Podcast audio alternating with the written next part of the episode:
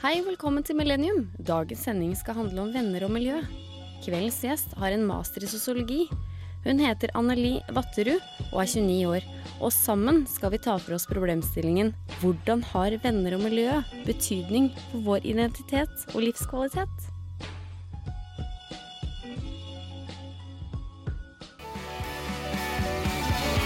Du lytter til Radio Revolt, og dette er programmet Millennium. Jeg heter Marie Jacobsen, og med meg i studio har jeg Preben Sivertsen. Hallo. Hallo, hallo. Hvordan går det, Preben? Ja, det går veldig fint. Det er godt humør i dag. Er du i godt humør? Hvorfor det?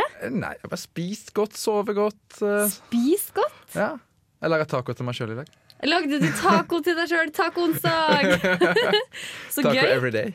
Ja, du ser veldig glad ut. Jeg er veldig sliten. Jeg sover mye om dagen, og jeg forsover meg veldig mye. Jeg bor jo på Samfunnet, eh, rett ved siden av Samfunnet her i Trondheim.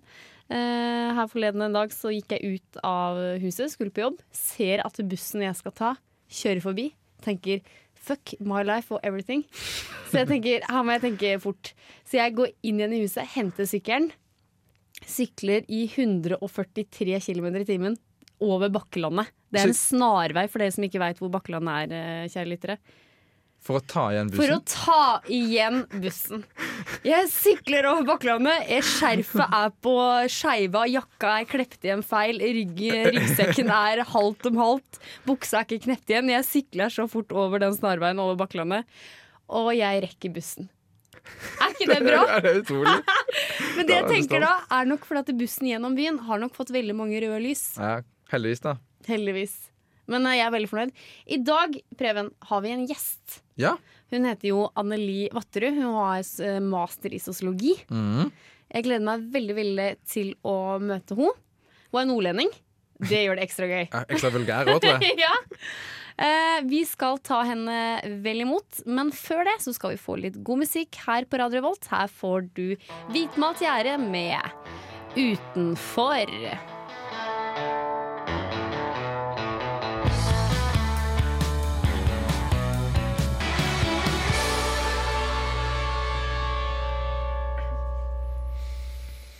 Du lytter til Millennium på Radio Revolt. Dette er Marie. Jeg har med meg Preben i studio. Og Preben, vi har jo en gjest i Eh. dagens sending.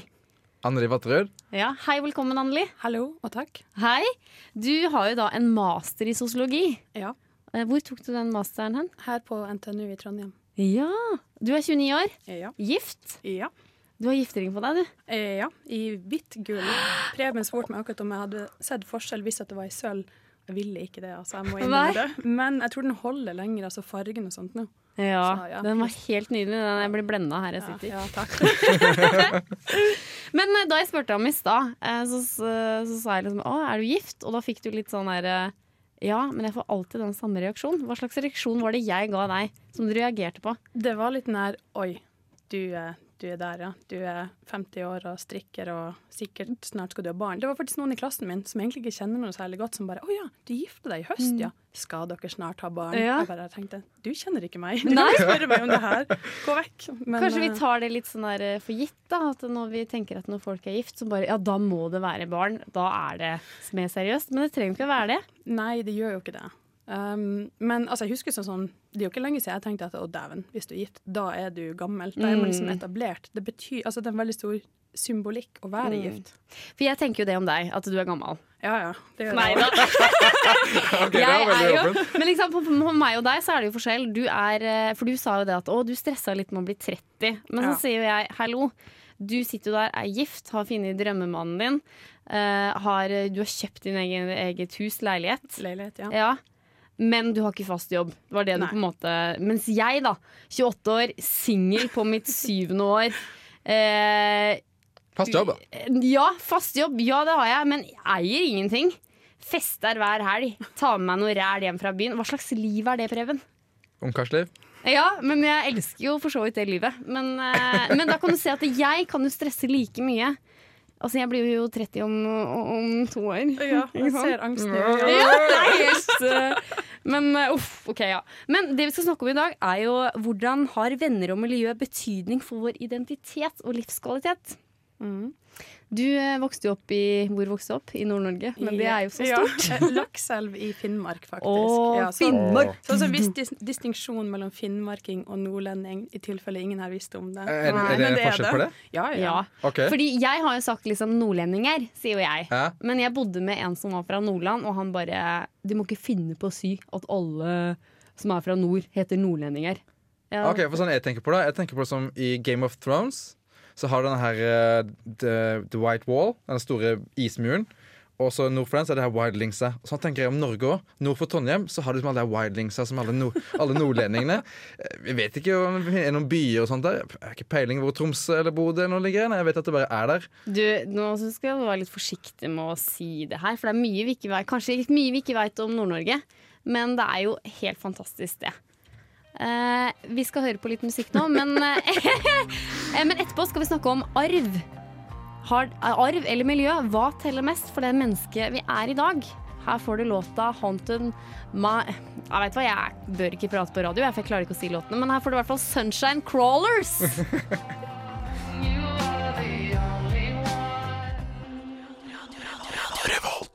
Du hører på Millennium. Dette er Marie Jacobsen og Preben Sivertsen. Vi har jo da en gjest i studio som heter Anneli. Hun er gift, 29 år. studerer, du studerer heller ikke, du er ferdig, du har master i sosiologi. Jo, men jeg studerer fortsatt. Ja, det gjør du jo. Ja, jeg går eh, såkalt praktisk-pedagogisk utdanning, Ja. så jeg skal bli lærer. Det var ikke noe jobb å få, nei, som sosiolog. Nei, men jeg fant egentlig tidlig ut at jeg hadde lyst til å bli lærer. Ja. så Men det tror jeg du passer veldig bra til. Du virker som en rolig og behagelig person som kan gjenta ting flere ganger. jo, takk. Men arv eller miljø? Altså, Hva er det som former oss? Er det altså de genene vi har? Jeg er jo født med Jeg er jo født med noen gener, tross alt, selv om jeg er så rar som jeg er rar. Men eh, har jeg, hvorfor har jeg blitt det mennesket som jeg har blitt? Er det pga. mamma, pappa og vennene jeg har skapt meg? Eller er det fordi jeg har det DNA-et jeg har? Altså, Fra et sånn sosiologisk perspektiv så er det jo, det er jo noen som mener at eh, alt er styrt av sosialisering. Det er iallfall det man mente før. Men nå mener Mm. veldig mange at det er en blanding av begge deler. Eh, for så vidt jeg har fått med meg, så mener f.eks. evolusjonsbiologer eller psykologer at det er veldig mye styrt av eh, genene dine. Men eh, jeg tenker jo litt sånn at eh, hvis at du har en viss struktur, f.eks. hvor du er født henne, familien din, um, ja, typ landet du bor i, eller for så vidt delen av landet du bor i, så har jo Mm. det noe å si. Men du er jo også en tenkende person, og du kan ta de valgene som du ønsker å Mm. gjøre. Men når det er sagt, hvis man ser f.eks. på utdanning i Norge, så har man jo formelle likheter, som det kalles for. Altså, alle har rett til å ta Sitt Eh, eget liv? Nei.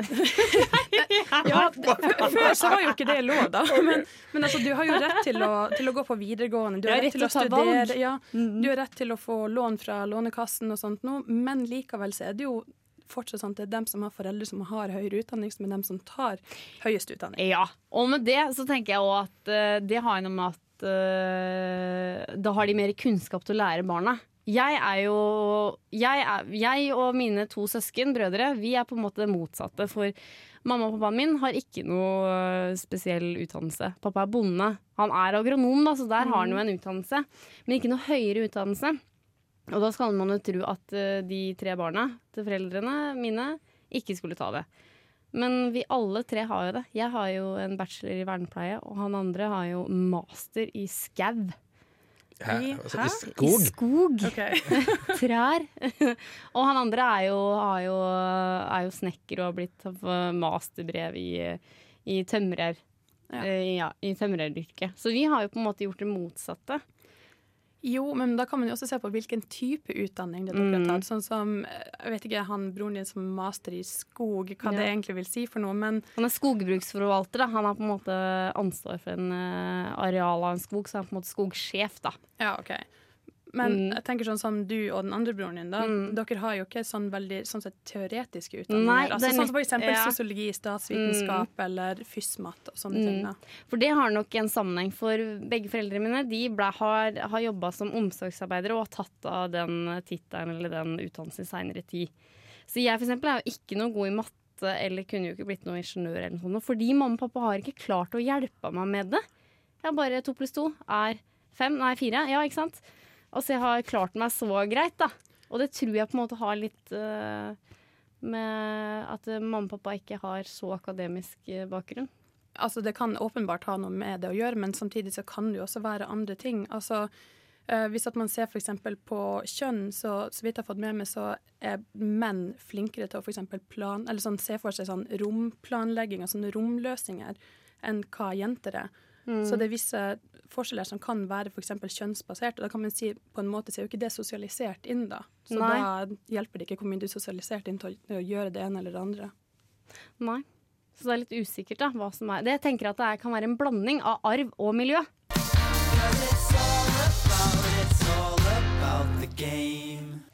Og der fikk du låta 'It Bothers Me' med Magnus Beckmann.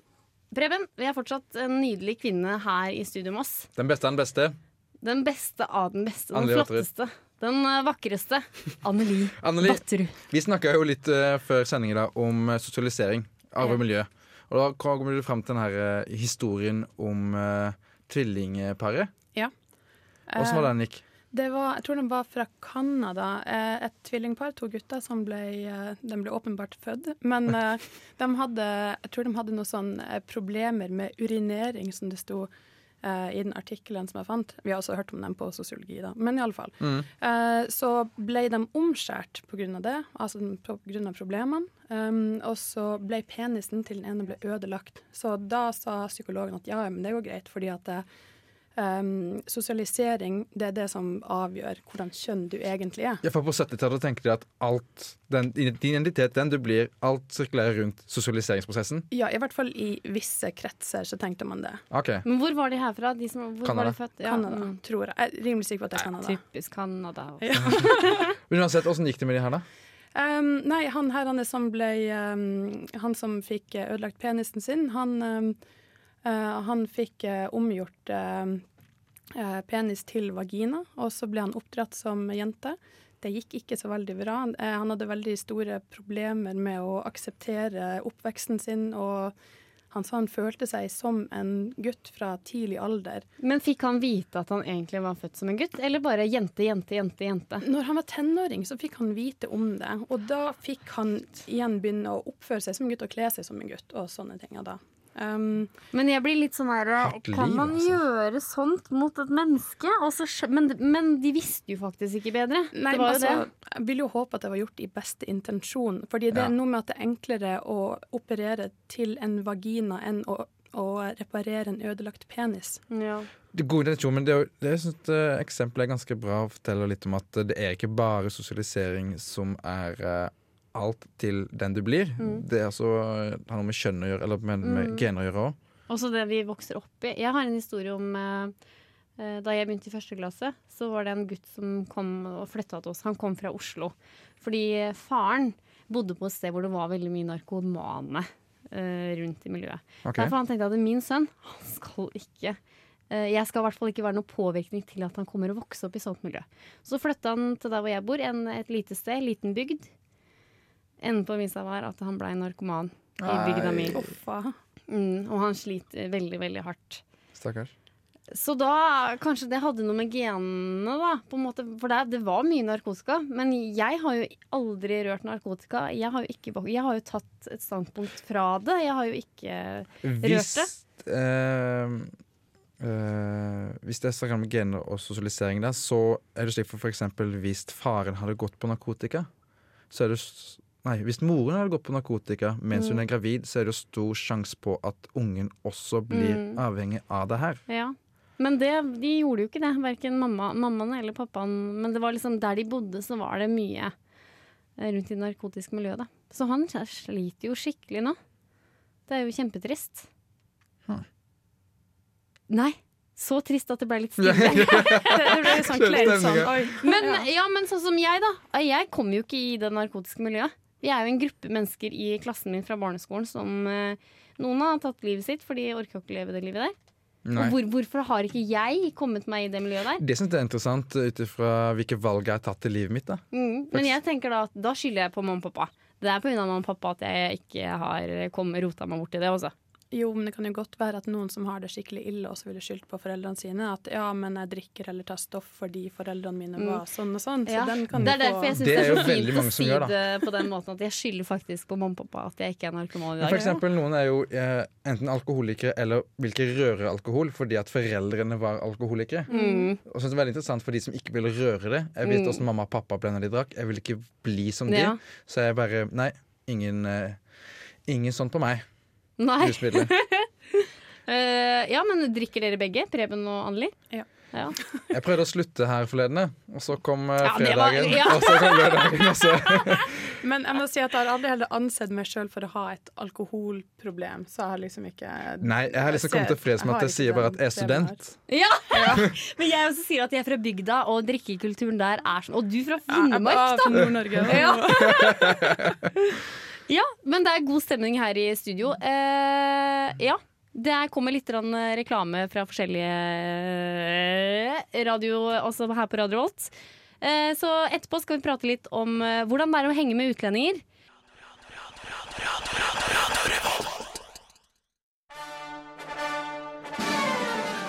Er identitet!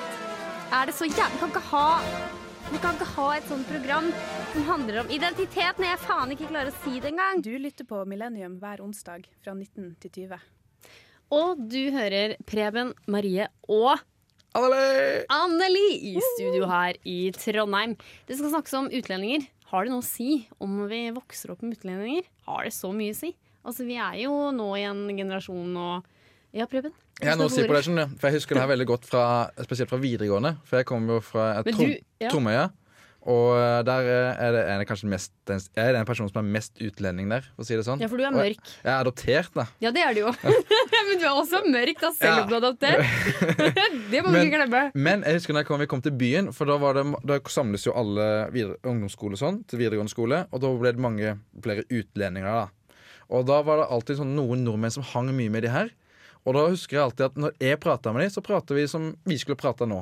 Mm. Men så når jeg hang med, de, med deres utenlandske venner, så prater de mer eh, sånn som det her. De lager prater med grøbokkent. Og jeg skjønte aldri hvorfor. Det var som at når, de var med, når det var en rolle med de, så hadde jeg en helt annen person. En ny identitet. Det var sånn, sånn, så Kroppsspråket var litt annerledes, og språket spesielt. da, Anneli.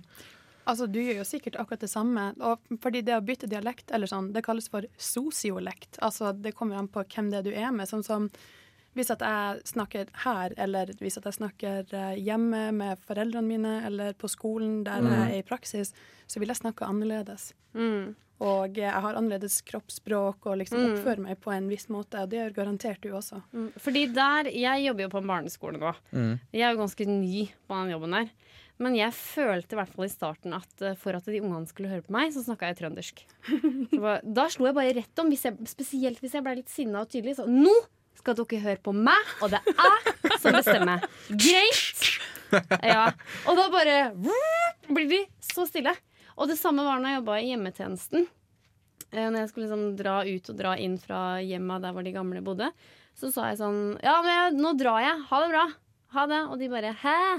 Bare, jeg drar nå. Farvel. Adjø. Og de pasientene bare Hæ? Så jeg bare til slutt sa Jeg fær nå!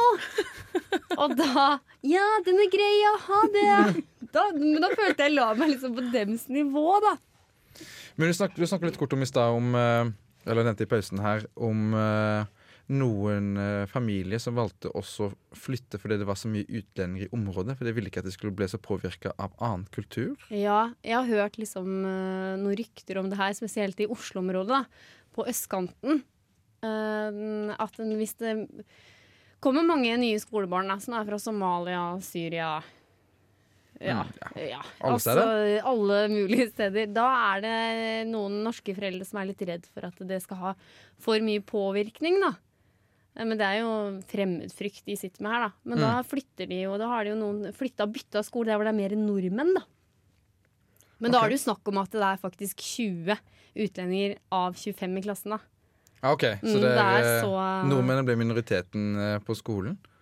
Ja, det er det. jeg tror kanskje at foreldrene er litt redd for det, da. Ok, At, eh, de, at barna da blir mer somalere, for eksempel, enn det blir Mm. Eller muslimer, da. Oh. Kommer gutten min til å ikke spise svin mer? Liksom? Å herregud, hva med grillsesongen? Det verste som kan være. Sommeren er ødelagt! Og med det så får vi litt god, deilig musikk her på Radio Revolt. Her får du Fantasiflukt med drøm.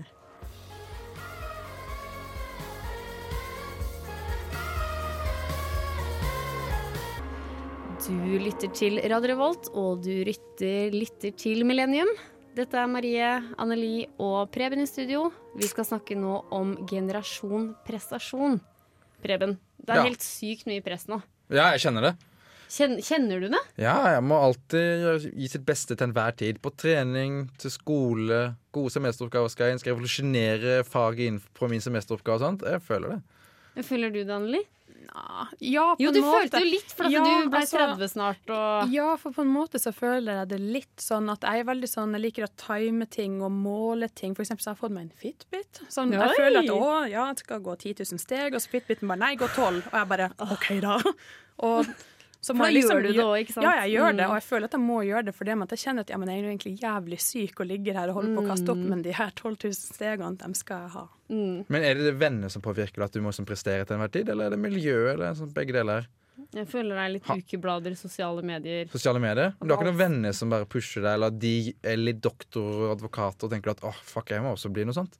Nei, i hvert fall ikke i mitt tilfelle. Ja, for jeg har det at uh, mine, mine barndomsvenner nå har fått eh, Han ene jobber på sjøen og tjener gode penger der. Du har en, to, tre siviløkonomer, og så har du en som er master i statsvitenskap. Og det er, som, det er høyt utdannede personer. Mm. Og da tenker jeg at da må vel eh, Jeg føler meg pressa av de, da. At, eh, Gjør du det? Ja, ja. Det, altså, jeg kan, for helt ærlig, ja, det har jo påvirka meg. Ja, Men hvorfor kan du ikke bare være deg sjæl? Men jeg er jo det samtidig. Jeg har lyst til å ta en utdannelse også, for jeg tenker at det gir jo gode fordeler. Ja, Men du higer jo etter å må bli bedre som kameraten min.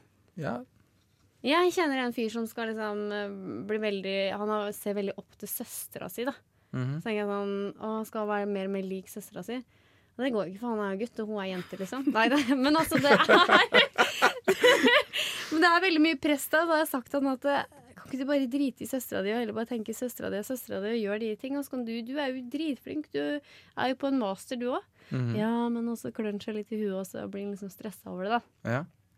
Men det der med, med presset, ja, om å være Nå er det jo sånn dagens ungdom. Jeg føler jeg og du Eller alle vi er jo født Vi er jo Jeg er 89-modell, det er 88 her, og 90. Mm. Jeg føler vi har på en måte hoppa litt over akkurat den generasjonprestasjonen. Vi har overlevd litt. Ja. For sånn, vi hadde jo det fint. Vi lekte jo i skolegården på ungdomsskolen og videregående. Det gikk jo veldig fint med oss. Men jeg føler de som vokser opp nå og går på ungdomsskolen, du skal ha den og den veska. Hvis ikke så passer du ikke inn i gjengen. Og det husker jeg veldig godt fra videregående. Alle gikk med sånn Helly Hansen-jakke. Å ja, Så det var- var litt press, kanskje? Sånn seilejakke og sånn, ja. For det var liksom de som hadde litt sånn eh, høyere middelklasse, eller kall det hva du vil. Mm. Uh, og hvis ikke du hadde det, så kunne du heller ikke bli eh, være sammen med de bli invitert på fester og sånt. Herregud. Jeg er sikker på Hvis jeg hadde fått, foreldre, fått foreldrene mine til å kjøpe Helly Hansen-jakker og bruke hele deres månedslønn på det, så har jeg fått meg en ny vennegjeng. Eller fått mulighet til det. da Det er trist. Men Ja, men det- sånn eh, Det måtte, måtte være, sånn være ha de, de klærne og representere deg på den og den måten for å bli akseptert. Ja, ja åh, det er helt åh, Det er så krise. Men mine barn kommer helt sikkert til å vokse opp i den samme, samme kulturen. Men nå er det veldig der, nå snart er det russetid, og da er det sånn Hvis du har 100 000 på boks, så kan du ikke være med, liksom. Nei, Er det ikke sånn? Ja, det er i hvert fall kanskje de eh, 100 000? Herregud, jeg Bærum, kanskje? Ja, Det er litt fordomsfullt, men de som har russebusser og sånt. Hvorfor gjør de sånn i Finnmark? Jeg det vet noe da ikke vi drev nå. reina nå, så? Ta det på, oss. vi kjører det, rein. Er det så godt, dette? Altså, Vi hadde jo russebuss sånn da jeg var russ for 100 år siden. Men, uh, og jeg vil tro de har sikkert ca. samme bussen nå, bare liksom oppgradert den og litt sånn. Men vi hadde jo ikke noe sånn, altså vi ville jo bruke minst mulig penger. Ja, hvorfor det? Fordi det var ikke noe sånn stort mål om å ja, ha et sånn skikkelig bra buss. For det er sånn Lakselv, det bor 3000 stykker eller noe sånt. Vi Ja, var og 15 russ, liksom? ja, ikke sant? Så det var liksom vi som hadde russebil, svarterussen hadde ikke det, og vi bare «Åh, lol, lol, lol. Ja, Preben. Ja, jeg hadde ikke mulighet til også å være med på 100 000. Iallfall ikke for de pengene jeg hadde jobba for sjøl. Da måtte jeg jo vært eh, foreldrene mine. da Mm. Fått dem til å selge bilen eller noe sånt. Ja, så hadde de sagt ja, så hadde det vært overraskende. da Men eh, jeg hadde, eller jeg var med på en russecampingvogn. Oi, det har jeg hørt om. Ja, det kosta 3000 kroner. Mala den. Rød og hvit. Kjempegøy. Fikk inn noen sponsorer. Og fikk eh, en mor til å kjøre oss til eh, Kongeparken i Stavanger. Oi. Yeah. Jeg Det var, veldig gøy. Det var veldig gøy. Men jeg tror egentlig eh, at de folka liksom fra de fineste, flotteste delene i landet så litt sånn ned på oss og bare Herregud, hva er det campingvogn? For det var ikke mange som kretsa rundt den campingvogna. Mm. Ja, men det er ikke noe å le av. Jeg tenkte bare liksom mer på sånn Der ser dere at det var ikke så populært. Da. Jo, men det er jo noe å le Jeg fikk ikke noe, noe Jeg fikk ikke et kyss engang i Rustia. Åh. Jeg hadde kjæreste, da, så da gikk det greit. Fikk du ikke kysse han heller? Jo, man var så sjalu, den derre Det er slutt, det forholdet der. For å si det sånn, jeg orker ikke mer. Ja, her får du låta Palm Poco, It's a Trap.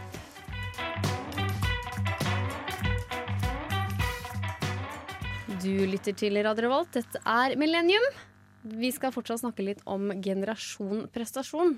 For det er jo sånn at uh, mange føler at de må ha så og så mye likes på et profilbilde. Noen føler jo det. Jeg føler kanskje det. Det er litt kjipt å få Det er et hardt miljø på sosiale medier i dag. Mm. Hvis du hadde fått et bilde på, lagt inn et nytt profilbilde på Facebook, og du hadde fått ti likes, Mm. så er det Hadde du tatt det bort da, tror du? Jeg hadde liksom begynt å Er det noe gærent med ørene mine? Bør jeg kutte dem av? Nei, nei, men Nei, men jeg hadde ja, Det skjedde faktisk eh, i høst. eh, jeg tok et eh, bilde av meg sjøl. Jeg hadde gul lue. Det var kjempefint vær. Det var grønn bakgrunn, eh, grønt i gresset, litt sånn gult løv. Eh, men jeg ser på det profilbildet at eh, nesa er litt stor der. Større enn vanlig? Litt større enn vanlig, ja. Og jeg fikk ikke så mye likes. Uh, og det har jeg tenkt på sånn her Det er noe rart med det bildet her. For jeg tenker sånn, jeg tror ikke det ser ut som meg sjøl. Og på den perioden Jeg var veldig sjuk på den perioden òg. så jeg uh, drakk ikke eller spiste ikke så mye. Så jeg var litt dehydrert, så jeg ser litt sånn eldre ut på det bildet òg. Og jeg har tenkt mye på at er, er det derfor? Eh, nå har jeg sletta det. Men jeg Ja, du, du sletta det faktisk. det. Men det, tok meg, men det tok meg fire måneder. Mm. For, jeg liksom, for jeg fikk jo til slutt Nei, det som skjedde at jeg fikk faktisk Jeg fikk til slutt sånn 70, eh, 40 likes på Instagram og 70 likes på Facebook. Det er ganske mye, syns jeg, da. Ja. Men jeg følte liksom allikevel at det var noe rart med bildet. Mm. Eh, Så generasjon prestasjon eksisterer i deg også, altså? Ja, den gjør det. Eller det å være om prestere og være perfekt, den der se Ja. perfekt ut og være perfekt til enhver tid? Men eller jeg har jo eksempel en sånn Snapchat-konto hvor jeg prøver å være ganske normal og prøver å bevise det at uh, å være rar er også kult, da. Men jeg har det jo i meg at det skal på en måte Jeg skal møte opp på jobben til hver tid, og jeg skal, være, skal aldri være sjuk. Der sliter jeg. Jeg kan ikke være sjuk fra jobb. Det tenker jeg òg. Jeg, altså, jeg, jeg fikk kink i ryggen. Jeg kom ikke opp av senga. Mm. Jeg måtte liksom rulle meg ned på gulvet og så dra meg opp, og jeg Mm. dro på jobb. Ja, Og så ble jeg sendt hjem igjen. ja for det er mer greit å bli sendt hjem igjen. Ja, for det tenker jeg det er Mm. greit, men jeg ikke, hvis jeg er syk sjøl, eller sier at jeg er syk sjøl, da skal jeg være døende. Altså. Mm. Men jeg prøvde meg på, på, på torsdag og fredag i forrige uke. Da hadde jeg, var kvalm, og jeg følte jeg hadde feber. Eh, og jeg var skikkelig sliten, men jeg, var på jobb og sto i det. Eh, og så tok jeg Vi har sånn febermorgen på jobb, da. Så tok jeg liksom, så prøvde jeg å hinte til kollegaen min Jeg er så sliten, jeg. Nå skal vi ta feberen min. Og den var jo da 36,5. Eh, og hun bare 'Du har jo ikke feber, Marie'. Jeg bare Nei, faen da. altså, jeg var jo da de to siste timene på jobben. Men det som var greia, at jeg hadde jo faktisk tatt febernedsettende. Åh. En time før så hadde jeg tatt en, et gram Paracet og en Ibux. Så det kan faktisk hende at jeg hadde feber, men jeg hadde jo senka ned med Ja, okay. smertestillende. Ja, det suger. Men jeg klarte det. Men jeg, det sitter i meg. Jeg klarer ikke å Og når jeg ringer til jobb, hvis jeg er sjuk, så må jeg legge på en syk stemme. Sånn, hallo Og så må jeg helst hoste gjerne fem ganger før jeg bare Jeg tror ikke komme, komme på jobben, jeg, jeg. Jeg føler da at jeg må gjøre det. Og det føler jeg er det prestasjons... um, ja, men den generasjonen kommer litt fra mamma og pappa. da At uh, de er født på 60-tallet. At du skal på jobb, du skal prestere. Mm. Ja, sånn Det har jo vært uh, i lang tid, da. Pappa er veldig sånn uh, Alt kommer alltid fem minutter før enn fem minutter etter. Den, den dør han for. Den, den er fast bestemt, og den er blitt uh, dytta ned i halsen på. da Nå er, bor jeg ikke hjemme lenger, så nå, så nå kommer jeg alltid en time for seint. Ja. Men uh, så jeg det klart å bli meg sjøl, og det har jeg faktisk hørt. Jeg var i Colombia i sommer, og da sier de det at uh, det er veldig vanlig at colombianere kommer en time for seint. Så det Nei, ligger men i blodet. du kan ikke leve på det! Arv. For det- Eller- er Ja, er nei, nei, men da har vi det arvemiljøet arv og miljø igjen. Ja. Det ligger i genene mine at jeg skal komme en time Ja, for men du har oppfostra på at du kommer tidsnok. Det har du, altså. Det er ikke Og du lytter til radio Revolt. Det er dessverre sånn at eh, det er eh, klokka nærmer seg åtte. Mm. Eh, Nerdeprat kommer etter oss. Ja, jeg lurer på hva de skal prate om. Eh, ja, de skal prate om living. Og så er det, de er jo et spillmagasin, så det blir jo noen spill. Jeg er Ja, ikke, men kjære lytter, det er det bare å vente til klokka åtte, så får du vite alt det greiene der. Anneli, vi har hatt deg i studio. Hvordan har du, syns, har, du følt deg velkommen her? Veldig velkommen. Jeg syns tida også har gått veldig fort. Å, Ja, det- er tar vi som et kompliment! Gøy når man har Nei, tida går fort når man har det gøy, sier man. Ja. Så eh, kom vi Vi hadde jo en, egentlig en problemstilling. Har eh, venner og miljø eh, arv og miljø noe å si for vår livskvalitet? Og hvem vi er, da. Hvem Ja. vi blir. Kom vi egentlig fram til noe sånt nå? Nei. Jo, helt i begynnelsen at eh, Ja. strukturen har noe å si, men du er et, et såkalt handlende subjekt, så du kan gjøre litt det du har lyst til også. Ja. Ja. Ikke sant? Ja. Definitivt. Jeg vil si at miljøet har mye å si på hvem du blir. Vi har snakket litt om hvor du er oppvokst, blant hvilke Mm. venner og folk du er født opp med. Ja, I og med at eh, jeg hadde jo noen narkotiske folk i klassen min. Mm. Jeg tok jo det valget å ikke bli med på det. Men nå ble jeg aldri invitert heller, da. på noe røyk. Så det kan jo handle om det òg. Men kjære lytter, vi er på vei mot slutten. Tusen takk for at du har hørt på oss. Du har hørt på Radio Revolt, og du har hørt på Millennium. Vi går hver onsdag fra åtte til Nei, det gjør vi ikke, Preben. Vi går fra syv til åtte. Du kan like oss på Facebook. Eh, lik eh, Radio Revolt. Og ja. Gå inn på var radio- gå inn på radiorevolt.no. Gå inn på Radio Revolt. Der kan du se masse deilige ting fra andre forskjellige programmer også, ikke bare Millennium. Og helt til slutt, her får du Spider God, What You Have Become.